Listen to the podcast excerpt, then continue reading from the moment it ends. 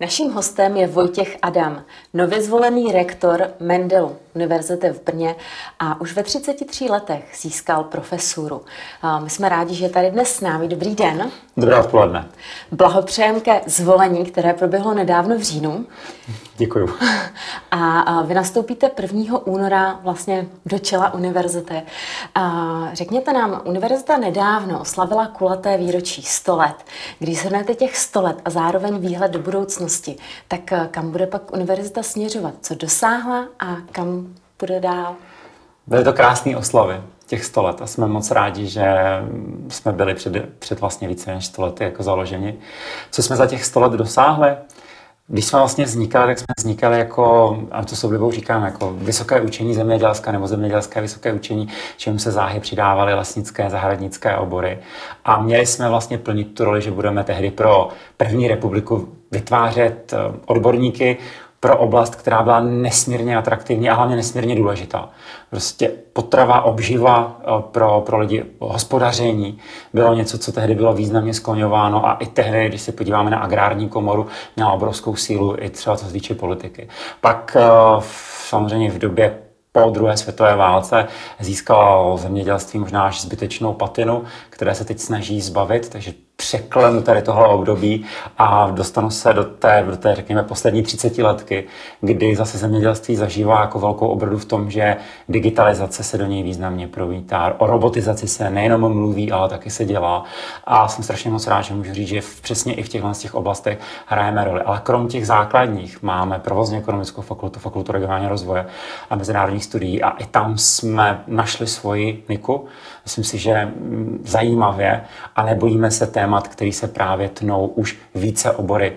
Vyzdvihnou jich pár, například bioklimatologie, která je dneska extrémně zmiňovaná a kolegové mluví, mluvili o globálním oteplování mnohem dřív, než to začaly brát média.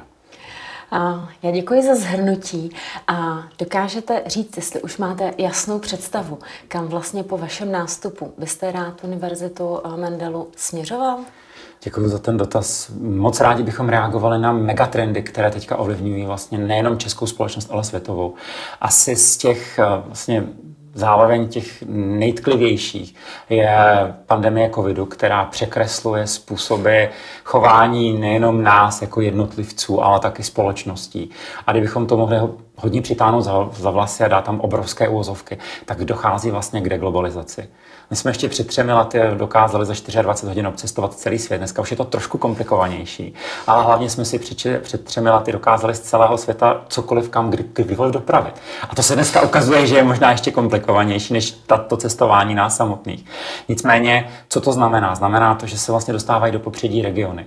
Dostává se do popředí vlastně starost o krajinu a taky se dostává do popředí schopnost vytvářet si různé produkty, u kterých jsme si mysleli, že je vždycky dostaneme z různých koutů světa. A jsem rád, že to můžu říct, že tam vlastně patří potraviny. A to zemědělství se najednou vlastně zázrakem vrací zpátky do hry.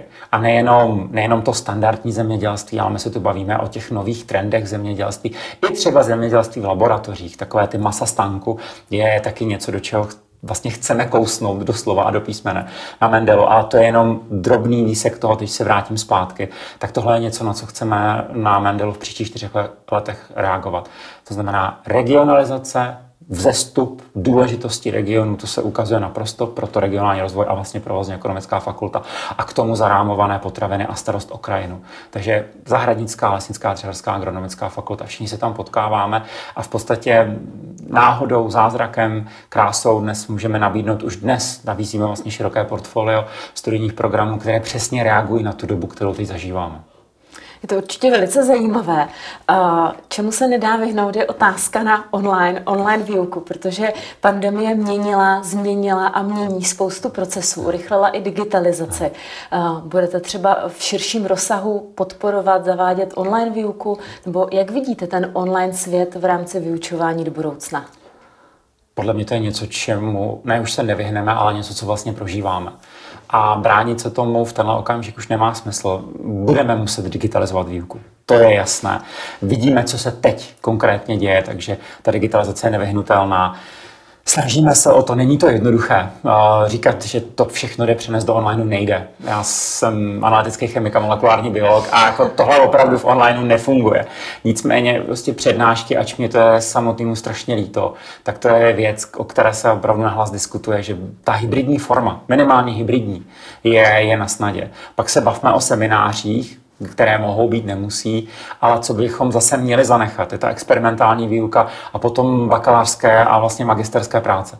To je zase něco, co nesmíme obětovat tomuhle. A možná je teďka na čase si říct, co jsme schopni ještě převést do online a převést to, abychom zbytečně nerozšiřovali mm, epidemie a tyhle další záležitosti a zároveň vlastně zachovali kvalitu výuky, to znamená trvali ty na těchto základních bodech. Takže eh, jestli mohu promítnout nějakou jako naše další smířování, tak je to přesně v tomhle. Říct si, co je ještě únosné, aby mohlo být v online a přes co nikdy nepojede vlak. A věřím tomu, že ten osobní kontakt vlastně toho učitele a studentky nebo studenta, když tvoří tu závěrečnou práci, což do bakalářka, měl jsem diplomku a myslím tím samozřejmě i práce dizertační, to je něco, co nenahradíme nikdy ničím. A jestli se na něčem skutečně jako trvat, že tohle musí být osobně, tak tohle je přesně to, co musí být osobně. Určitě ta hybridní forma bude to budoucností, protože si myslím, že lidské vztahy a, a reálně setkání na živo nic nenahradí. Aha. Takže myslím si, že hybridní forma, jak říkáte, bude ten směr. A já jsem slyšela, že Mendelu má v plánu projekt plně soběstačného centra. Můžete ten projekt přiblížit? My to nazýváme Mendelu Smart Campus, je to velmi pracovní název.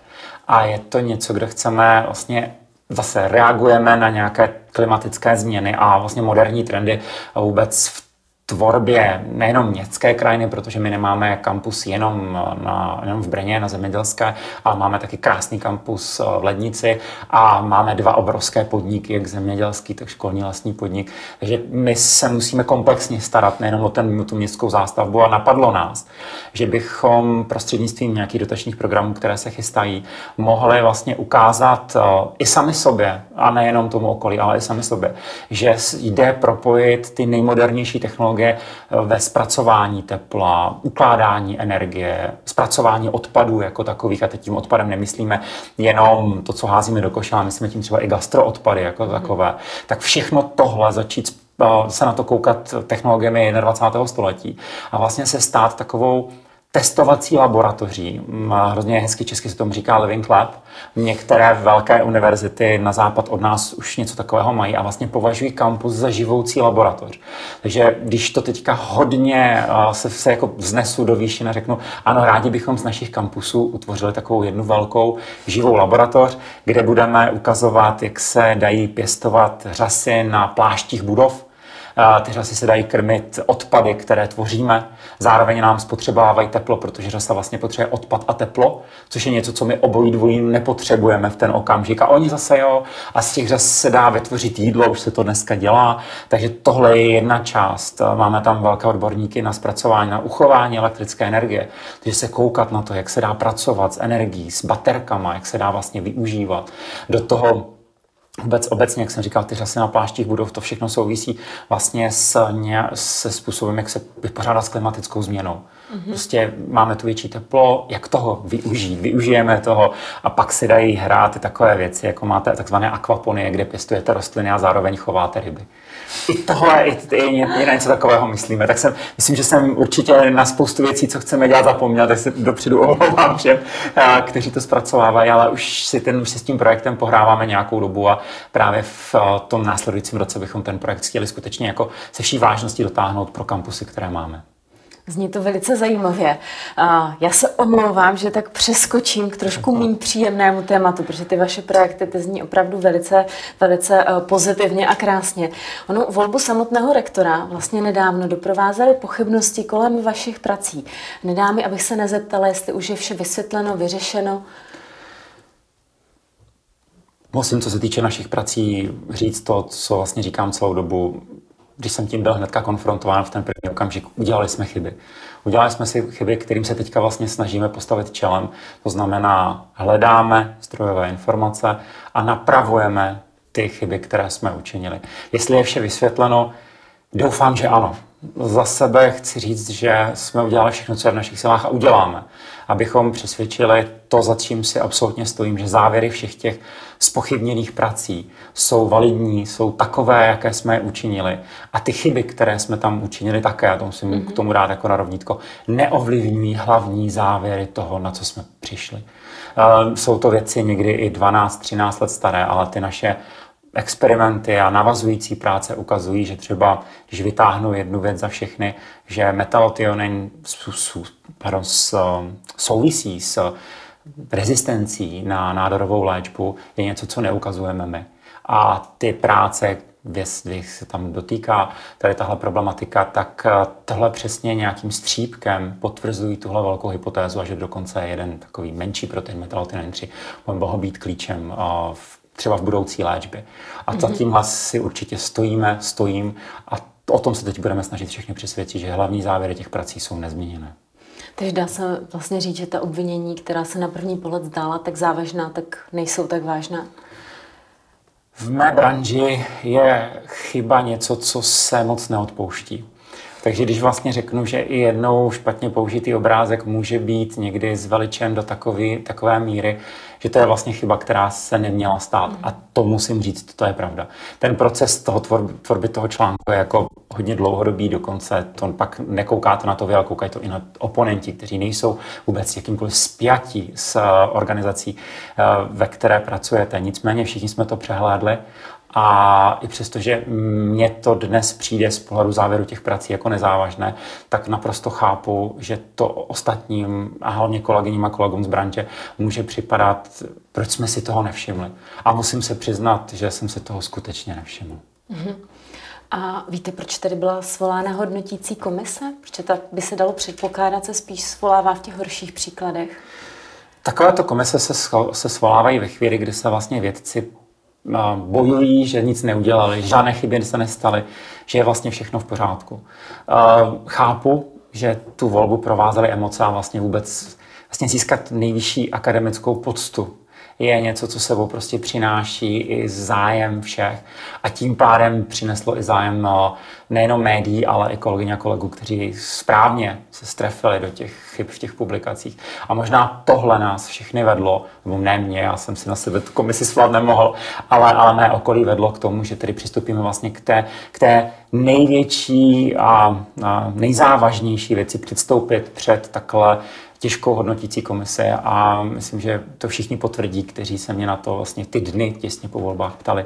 Jestli s tím souhlasím, tak jsem bez váhání řekl ano. Jeden kolega, kterého nechci jmenovat, byl tím velmi překvapen a já jsem mu na to odpověděl, nic jsem neprovedl. A jestli něco může očistit mé jméno a říct dobře, ano, ty si nespáchala žádné etické provinění, tak je to pouze jenom tahle komise.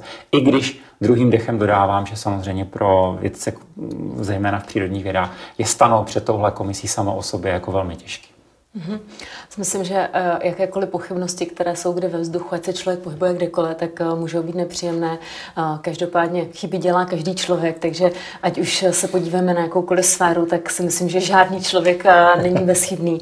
Nicméně, co byste se z toho vyšetřování vlastně vzal do budoucna? Plánujete změnit přístup v rámci budoucích prací, na těch, na kterých se budete podílet? Významně významně. Diskutujeme o tom vlastně s kolegyněmi a kolegy na pracovišti. Jsme relativně velké pracoviště a máme teď, teď, z, z, teď zrovna v téhle době dáváme dohromady vlastně externí uložiště dat, a v podstatě okamžitě jsme si řekli, že všechny data, které slouží jako podklady pro články, už nebudeme lovit v různých počítačích, discích a fleškách, tak jak jsme to museli dělat teď, abychom hledali ty hrubá data.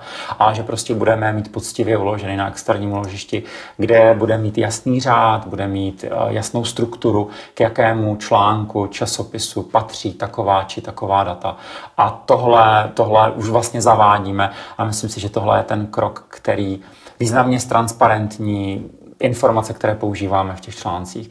Další věc, musím se přiznat, spíš pro mě osobně, už se nikdy nebudu koukat na obrázky v našich publikacích a dokonce možná ne ani v našich. Stejnýma očima, jak jsem se na ně koukal před měsícem, před dvěma, před půl rokem. Už tam se budu snažit, a teď to nechci jakýmkoliv způsobem schazovat, ale najdi deset rozdílů. Opravdu o tom to vlastně je, podívat se na ten obrázek úplně jinou, jinou no, perspektivou. Já jsem se vždycky koukal, potvrzuje ten výsledek to, co chci psát do toho textu, je to v pořádku, ale nikdy jsem se už nekoukal na to, jestli tam někde v tom článku není ten obrázek dvakrát, nebo tam není mm-hmm. dokonce, jednou jsem vám stalo, že tam byly třikrát stejný nějaký, nějaký, nějaká forma. Takže teď už se na to budu koukat i takhle. Přeji vám do budoucna samozřejmě jenom všechno dobré, ale nedáme to, abych se vás jako odborníka nezeptala i na budoucnost, výhled ještě v jiném směru, protože vy jste se zúčastnil určitě různých videokonferencí, kde vědci z celého světa řešili koronavirovou pandemii. Co nás vlastně do budoucna v tomto směru čeká? Jak to vidíte vy? Je těžká otázka. To je velmi těžká otázka, co se týče, co se týče koronaviru jako takového. On už vlastně změnil zcela naši společnost, ale když se na to podívám z odborného pohledu, tak eh, podle mě otevřel některé rány, například očkování a jeho přístup k němu je podle mě něco, co jsme ve společnosti dlouho adorovali, pak jsme to začali podceňovat a teď nám to vlastně vytváří relativně velký problém. A ať nechci stranit žádné straně, ale, ale tohle je jedna z věcí, kde si podle mě teď máme velký dluh sami vůči sobě. Vůbec popsat, co to očkování je, um, začít to vysvětlovat, začít říkat ty potenciální, opravdu velmi vzácné, ale existující uh, ohrožení. A, a vůbec začít se uklidňovat v tom, že tohle je skutečně jedna z cest, kterou se můžeme vydat a co to přinese do budoucna samotný koronavirus jako takový. Myslím si, že je na bílední říct, že už eh, s námi tenhle parazit, protože to je prostě parazit, s námi bude žít dál a my budeme muset žít s ním. Už jsme si zkusili dva cykly, to znamená, že v létě to bude prýma a všichni si řekneme, dáme roušky a budem, budou festiáky a na podzim to bude méně prýma, v zimě to bude úplně nejméně prýma a na jaře se to zase začne zlepšovat. A je to chřipka tu s námi žije od od doby, kdy jsme schopni zapisovat tyhle věci nějak tak, abychom si je jako generace předávali. A myslím, že koronavirus je prostě jenom další část, další parazit, který tady s námi prostě bude existovat. Bohužel. Já vám moc děkuji, že jste přijal pozvání do našeho pořadu. To byl Vojtěch Adam, eh, rektor Mendelu, budoucí rektor od příštího roku. Děkujeme. Děkuji za pozvání.